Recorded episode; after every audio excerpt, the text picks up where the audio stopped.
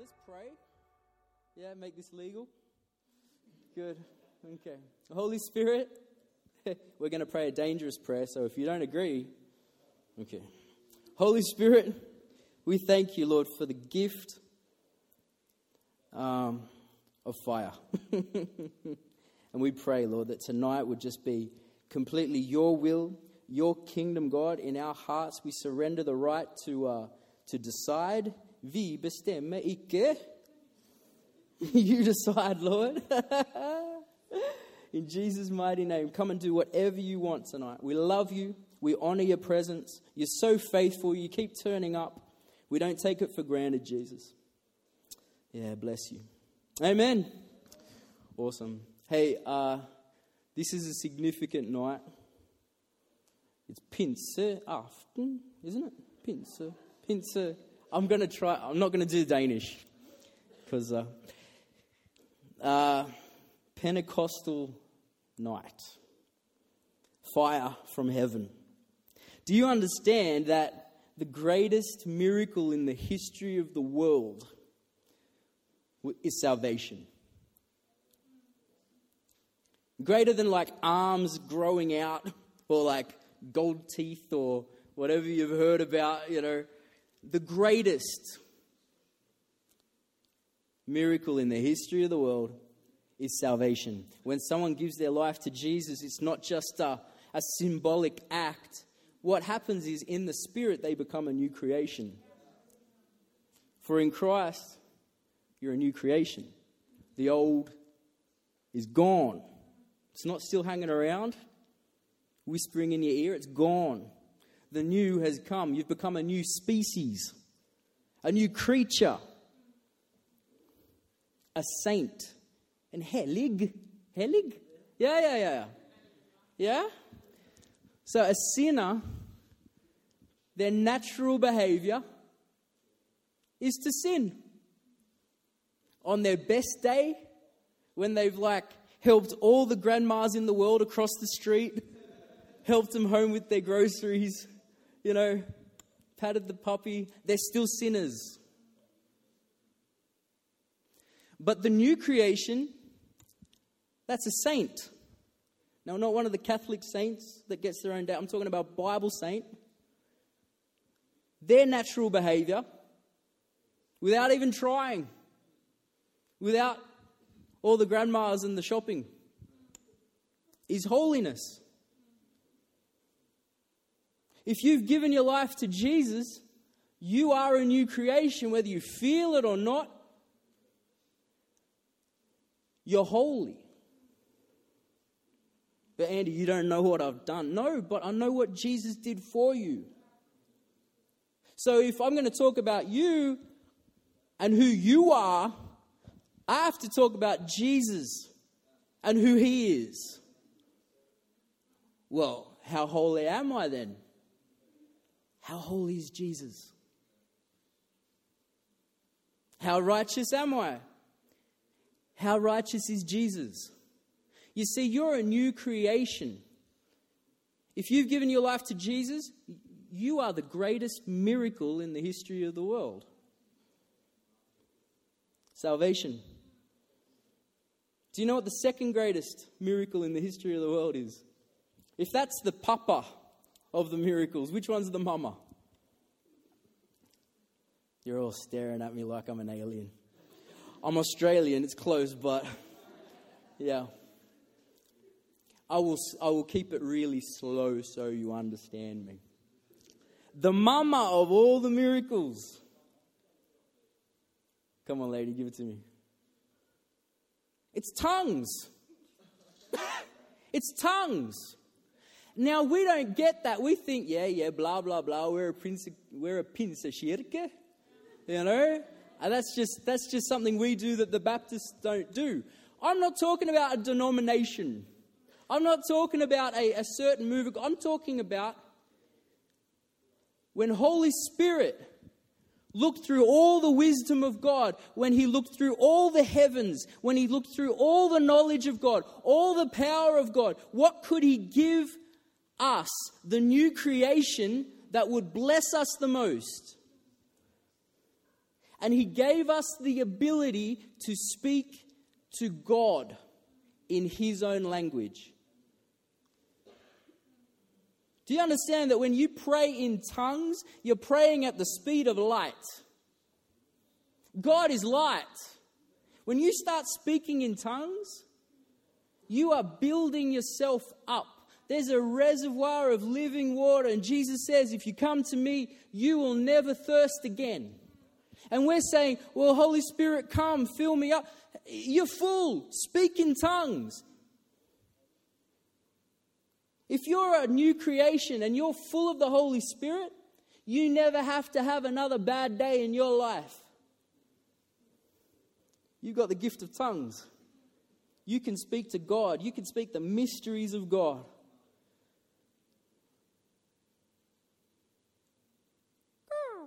It's very quiet in here. Is this okay?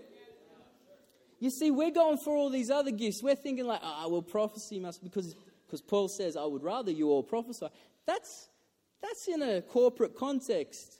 You, the more you're going to speak in tongues, the more you're going to prophesy automatically. There's going to come a point in time if you're speaking in tongues, you can't help yourself. You're going to be pro- everything you say will be prophetic. We're going for, oh, well, if I know words of wisdom, or I know words of knowledge. No, no, no, no, no. If I have the miracles, the power miracle, resurrection, right? Man, if we get someone raised from the dead tonight, church doubles, right? In a month, it's like a full blown. Holy Spirit thinks tongues is more important. Because when you have the Father gift, Father miracle, and you have the mama miracle, all the rest of the babies. They all just happen, don't they? you see? You see what I did? Healthy things grow.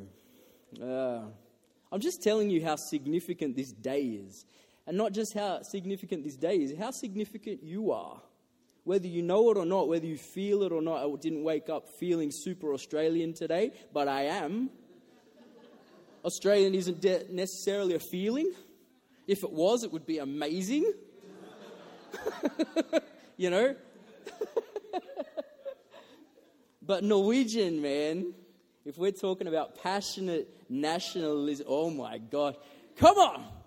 The most blessed, the most beautiful country in the world. Hey, if you say I said it to other people, I'll deny it. But it's true. You guys. This is not what I'm preaching about. I'm just letting you know that uh, this, I'm just speaking truth. Thanks, Sandra, helping me out. Let's, let's read some Bible. We're going to read from 1 Samuel chapter 18, which is a little bit of a weird chapter to be reading on Pentecostal Sunday, but I was going to preach something else. But our Holy Spirit kind of nudged me this way, so we'll go. We'll go with him. 1 Samuel chapter 18, we'll go from verse 1 to verse 5. Now it came about when he had finished speaking with Saul, this is David, that the soul of Jonathan was knit to the soul of David, and Jonathan loved him as himself. Saul took him that day and did not let him return to his father's house. Then Jonathan made a covenant with David because he loved him as himself. Say that. He loved him as himself. You guys aren't talking, are you? I can get kids to do what I say, but you guys are just staring at me. Those bossy preachers that tell you to do stuff. Fantastic. Jonathan stripped himself of the robe that was on him and he gave it to David. Robe with his armor. Armor. including his sword and his bow. Sword, bow. These are the points for my message. so David went out wherever Saul, oh, and, uh, and his belt, number five, and his belt. So David went out wherever Saul sent him and prospered. And Saul set him over the men of war. And it was pleasing in the sight of all the people, and it was also in the sight of Saul's servants. On the day of Pentecost, the Bible says that when the Holy Spirit came, they were in one accord and in one place. The Holy Spirit is really um, attracted to unity. That's why the devil tries to get between us all the time. What the enemy tries to do is he tries to, to uh, divide and conquer. If you can get a if he can get a spirit of gossip in the place, he causes mistrust. When he can get like inflate egos and it starts to be like a power play, he can create tension. And because we're a new creation, we are powerful. We're like Jesus. The Bible says that as he is, in 1 John 4 17, so are we in this world. If you want to talk about you and you want to talk about me, you need to talk about Jesus and the authority that he has. So the enemy he knows that he can't take us straight on. So he tries to get us to take each other out. It's like a, uh, you know, the Tyrannosaurus Rex, you know? Do you like that? Man, this thing's dangerous. Can I get some water? I'm going to work hard tonight. I feel it.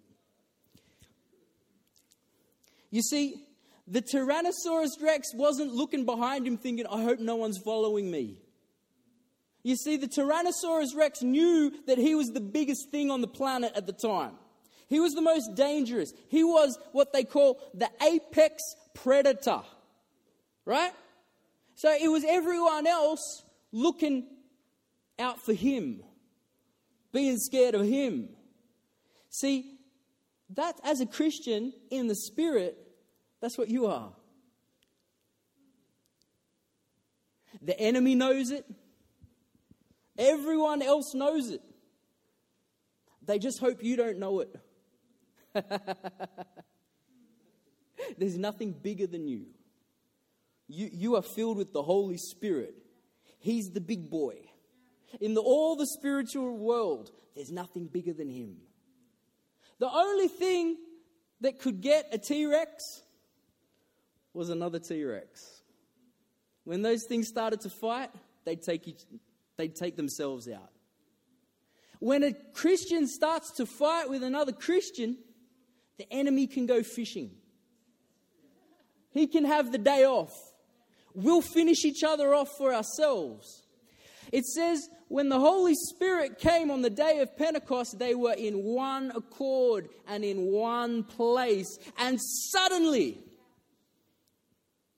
we all want this and suddenly. But we're fighting like little girls, man. No, not girls. Boys fight too. It's just like, don't worry. We're, we're fighting like children. And the enemy loves it. But the Holy Spirit is wanting to do something here that isn't just about, like, okay, it's Pinse weekend, so we'll get some crazy guys from Denmark. You know, like, hey, we'll do a theme, we'll do a thing. Holy Spirit isn't a weekend. Holy Spirit isn't just like a move or a denomination. Holy Spirit was and is and is to come. Get with the program, people. If you want more of God, Speak more with God. Speak in tongues. And, and if you want to get closer to God, get closer to each other. You can't tell me that you have an amazing prayer life when you talk garbage to everyone else around you. I know how your relationship with God is. I just have a look at your relationship with people. You can't tell me that you go into, a, into your prayer closet and suddenly you put on this amazing ability to relate. and then you come out and you're like, oh, like, that's. Grumpy is not spiritual. It's. it's not. It's just not. Love is kind. it might be spiritual, but it's depression. It's not love. the more time you spend with God, the more like God you're going to be, and the more you're going to love His kids. I want to talk to you tonight about covenant. Because I feel like the Holy Spirit is going to take you from glory to glory, from strength to strength. And the only thing that can kill it is yourselves. So I'm here to give you the tools to not just protect yourselves and not just protect the move, but protect each other. Is this okay? Awesome. Okay. You see, a covenant relationship has been so attacked by the enemy that we don't even know what that word means anymore. Covenant is like, I love you more than I love myself. My life is, is here for your life. I'm here for your success. I'm here to put myself lower than you in my life. You matter more to me than I matter to myself. Let's read the text. Verse 1. And it came about when he had finished speaking with Saul that the soul of Jonathan was knit to the soul of David, and Jonathan loved him as himself. You see, when the Holy Spirit starts to come and he starts to meld our hearts together, we start to love each other as we love ourselves. We can't do that on our own. We love because we were first loved. Jonathan is a picture of Jesus. Jonathan, Jonathan loved David. He, he, became, he was one with him. It's funny, um, a lot of theologians and, and things like that, they think that must have been a homosexual relationship. It must have been. It wasn't. But in this day and age, we find it so hard to think that a man and a man could love each other so intensely without it being that. We've lost covenant. We've lost friendship. This new covenant that we're in it's not actually an agreement between you and God, it's an agreement between God the Father and God the Son. You didn't make it, you can't break it. You're just the beneficiary. You just get all the good stuff out of it. But a covenant is an agreement. And because we're in an agreement, it's not just with them, it's, it's with each other. Could we become one again? Because the enemy's trying real hard to keep us split. This thing that just happened in, in London, it's just another example of the enemy trying to split us apart, trying to get us to, to, to hate each other, trying to get us to look at each other suspiciously, trying to get us to, to let fear in our hearts instead of love. The enemy's trying real hard. But the Holy Spirit is coming to do something that the enemy can't touch. He's, he's, he's coming to do it in you, he's coming to do it in me. But not on our own. He's making us one. Have you seen when the fire comes and it melts things and the two become one? Many things become one thing. We take, uh, we take communion. That's exactly what that is. That many eat from the one bread, that many drink from the one cup, that many are one. Yeah? Okay. I think you're getting it.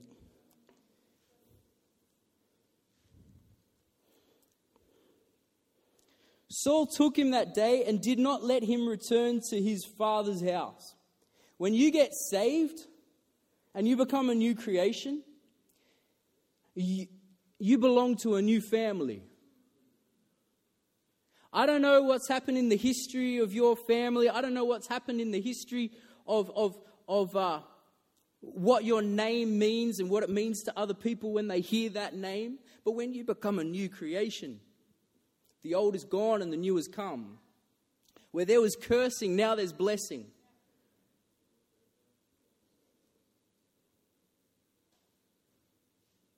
Guys, you got it, you got it, you got to give me a little bit more, all right? You got to give me, hey, like, I've seen you guys at the football. You guys can do it. You're like, this is not an audience. Yeah, all right. like getting blood from a stone. Okay. Then Jonathan made a covenant with David, and here we go. Because he loved him as himself. Jonathan stripped himself of his robe or his mantle that was on him, and he gave it to David. The robe is the mantle, it's the authority, it's the identity. Jonathan was the heir to the throne. but he realized something that his dad never realized that it wasn't his seat to sit in. That's crazy. That Jonathan was supposed to be king, but God had chosen another.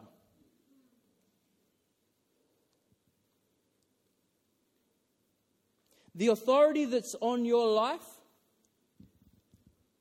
belongs to another, but he gives it to you. Jonathan was a great general in the army at that time. He was older than David was. He had won military victories. But that mantle he gave to a younger, unexperienced kid. David didn't deserve it at that time. He'd had a lucky shot with a giant. No, it wasn't lucky, was it? But it wasn't anything compared to what Jonathan had done. Our lives are, undeserved. it's not about what we deserve, it's about what Jesus deserves. And if you're gonna if you're gonna enter into covenant, you've got to stop looking at each other like this is what they deserve.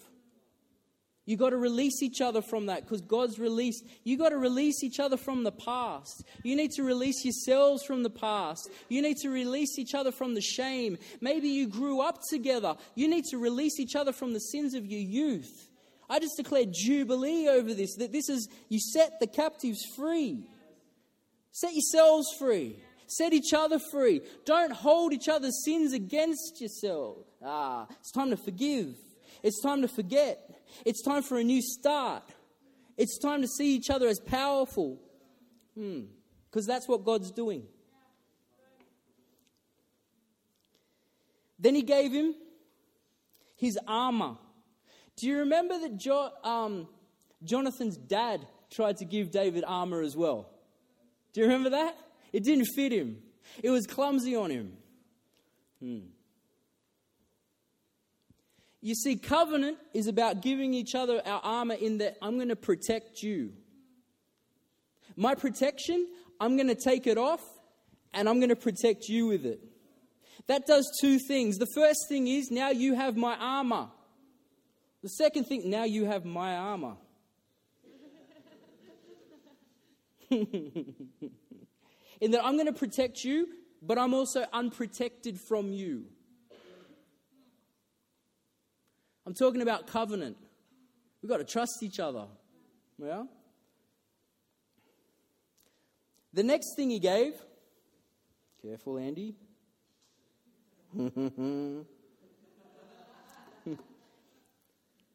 was his sword. When we're together, I'm not going to attack you. We're going to have peace. I could kill you. Not going to. You have my word. You don't need to worry. I love you as I love myself. All my history, anything in my life that could be a blessing to you, I give it freely. I give you my protection. If someone runs at you, I will run at them. But also, if you run at me, I'm vulnerable to you. Covenant. You get that? When we were together, we're not fighting. You've got my sword. You could use it against me. But I trust that you won't because covenant goes both ways.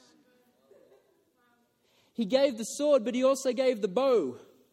And more and more, because this thing is going to grow and grow, it's a luxury that we're going to be in the same place all the time. This thing is going to explode.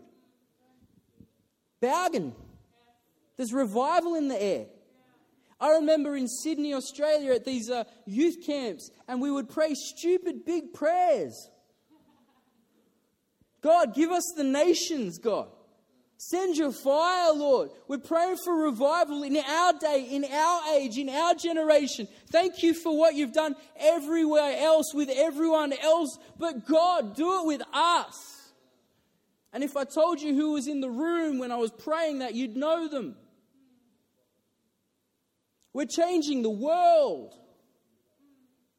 Not under a church banner, under the Christ banner, under a revival banner. We're even in Bergen. But he gave the bow because the sword is, I'm not going to attack you when we're together. The bow is, I'm not going to attack you when we're away from each other. See, when you're a little bit far off and you can't reach me, take him out, man. I'm not going to do it. If I hear that you've said something about me, I'm not going to believe it. I'm going to assume the best. I'm going to get on the phone to you and say, man, hey, this isn't right, is it? And you're like, nah, man, that was the devil trying to do some stuff. That was a misunderstanding there. That never, hey, bless you, man, I'm for you. Mm. Come on. Come on. Hey, like, I'm coming into covenant with you people because this is a significant church. And, and I'm, I'm, looking, I'm not looking for a preaching gig, I'm looking for people that I can build with. Like, this is, this is this is the, the day and age we're in. We're in the final harvest. This revival is bigger than one country, it's, it's going around the globe. I'm looking for friends, covenant friends, not for a friendly, hoogly, kushlit time. I'm talking about, you know, kafa kaka, yeah? That's great, man. Bless you and your kafa your kaka, man. But I'm here to, like, build the kingdom with you. And if I haven't seen you in a minute or five years, I know we're good. Ha! I know we're good. Because I gave you my bow. And you gave me my bow. I could use your bow against you. No, but I'm not going to do it. Praise God. I feel like you're getting this. So, what did he give? He gave the robe. That's about mantle authority, yeah? What else did he give? The armor if I hear someone talking about you, Sandra, listen to me. I am a vicious friend. If I hear someone say about you and I'm in the room, their life is going to be.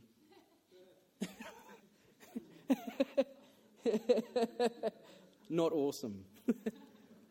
I will stop it. I'm known for stopping conversations. When people start saying names to me, I'm like, stop. Stop.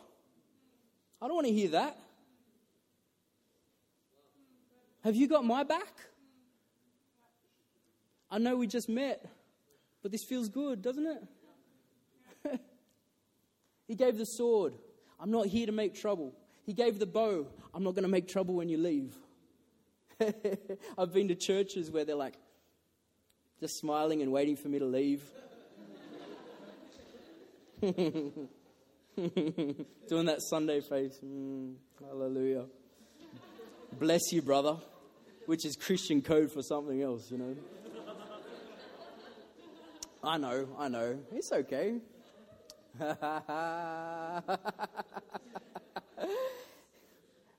oh, church. We're bad like that, aren't we? Let's stop.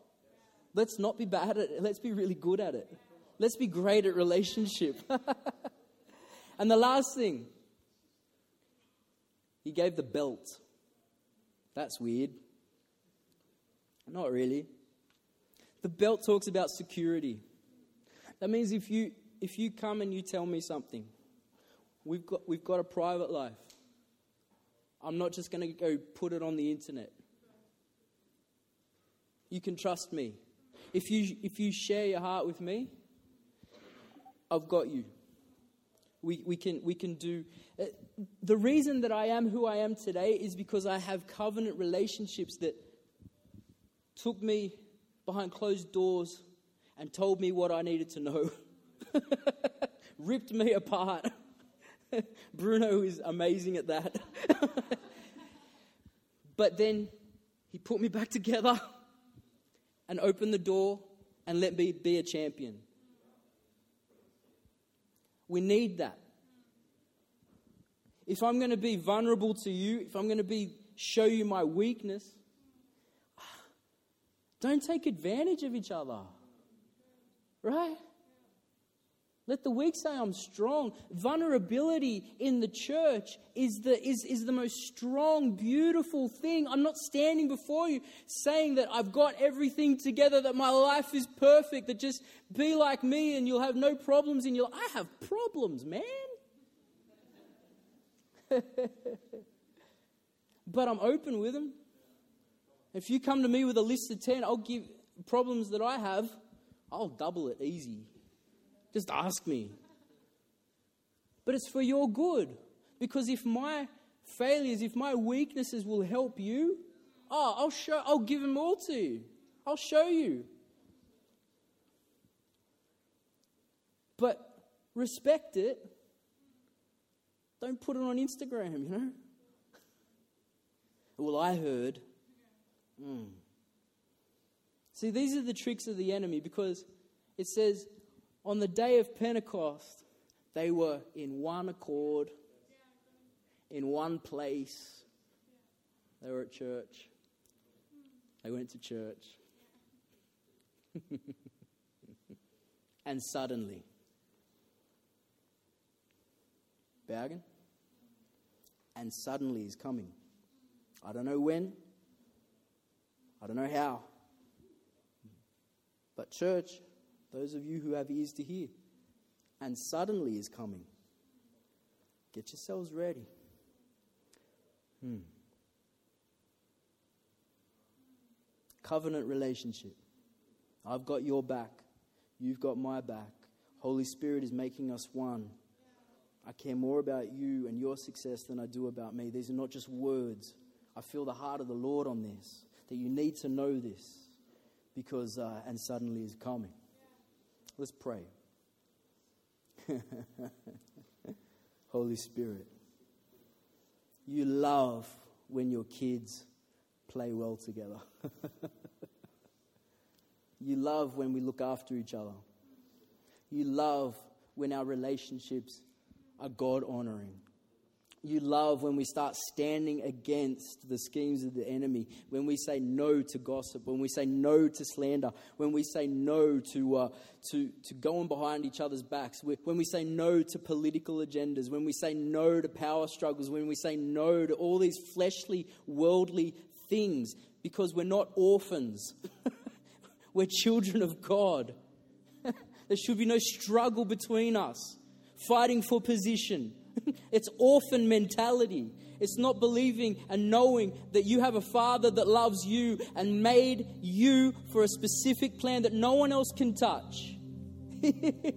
Why would you want to sit in someone else's seat? Why would you want to sit on someone else's throne when God has given you your own? But when you don't know that and you don't know your Father, you're trying we're doing musical chairs, church. and it's ugly. But I just declare over you one accord in one place, even when we're not in the same place. We're one in the Spirit. And I'm with you, and you're with me. And suddenly, because I still believe in that God of the miracles, I still believe in the God of Pentecost, I still believe in the Holy Spirit that He can come and do what only He can do. Oh, if it's just about the natural church, let's just become a fundraiser. But we serve a miraculous God. And I just declare faith in the house for the impossible again. Oh, the possible's boring. Staying in the boat is boring. You're a new creation. You were born to walk on the water. You were born to get out and do what can't be done and be who you can't be. But to take God for His word that you are who He says you are and you can do what He says you can do. Church. I'm not just talking about what you can do, I'm talking about your identity in Christ. Holy Spirit.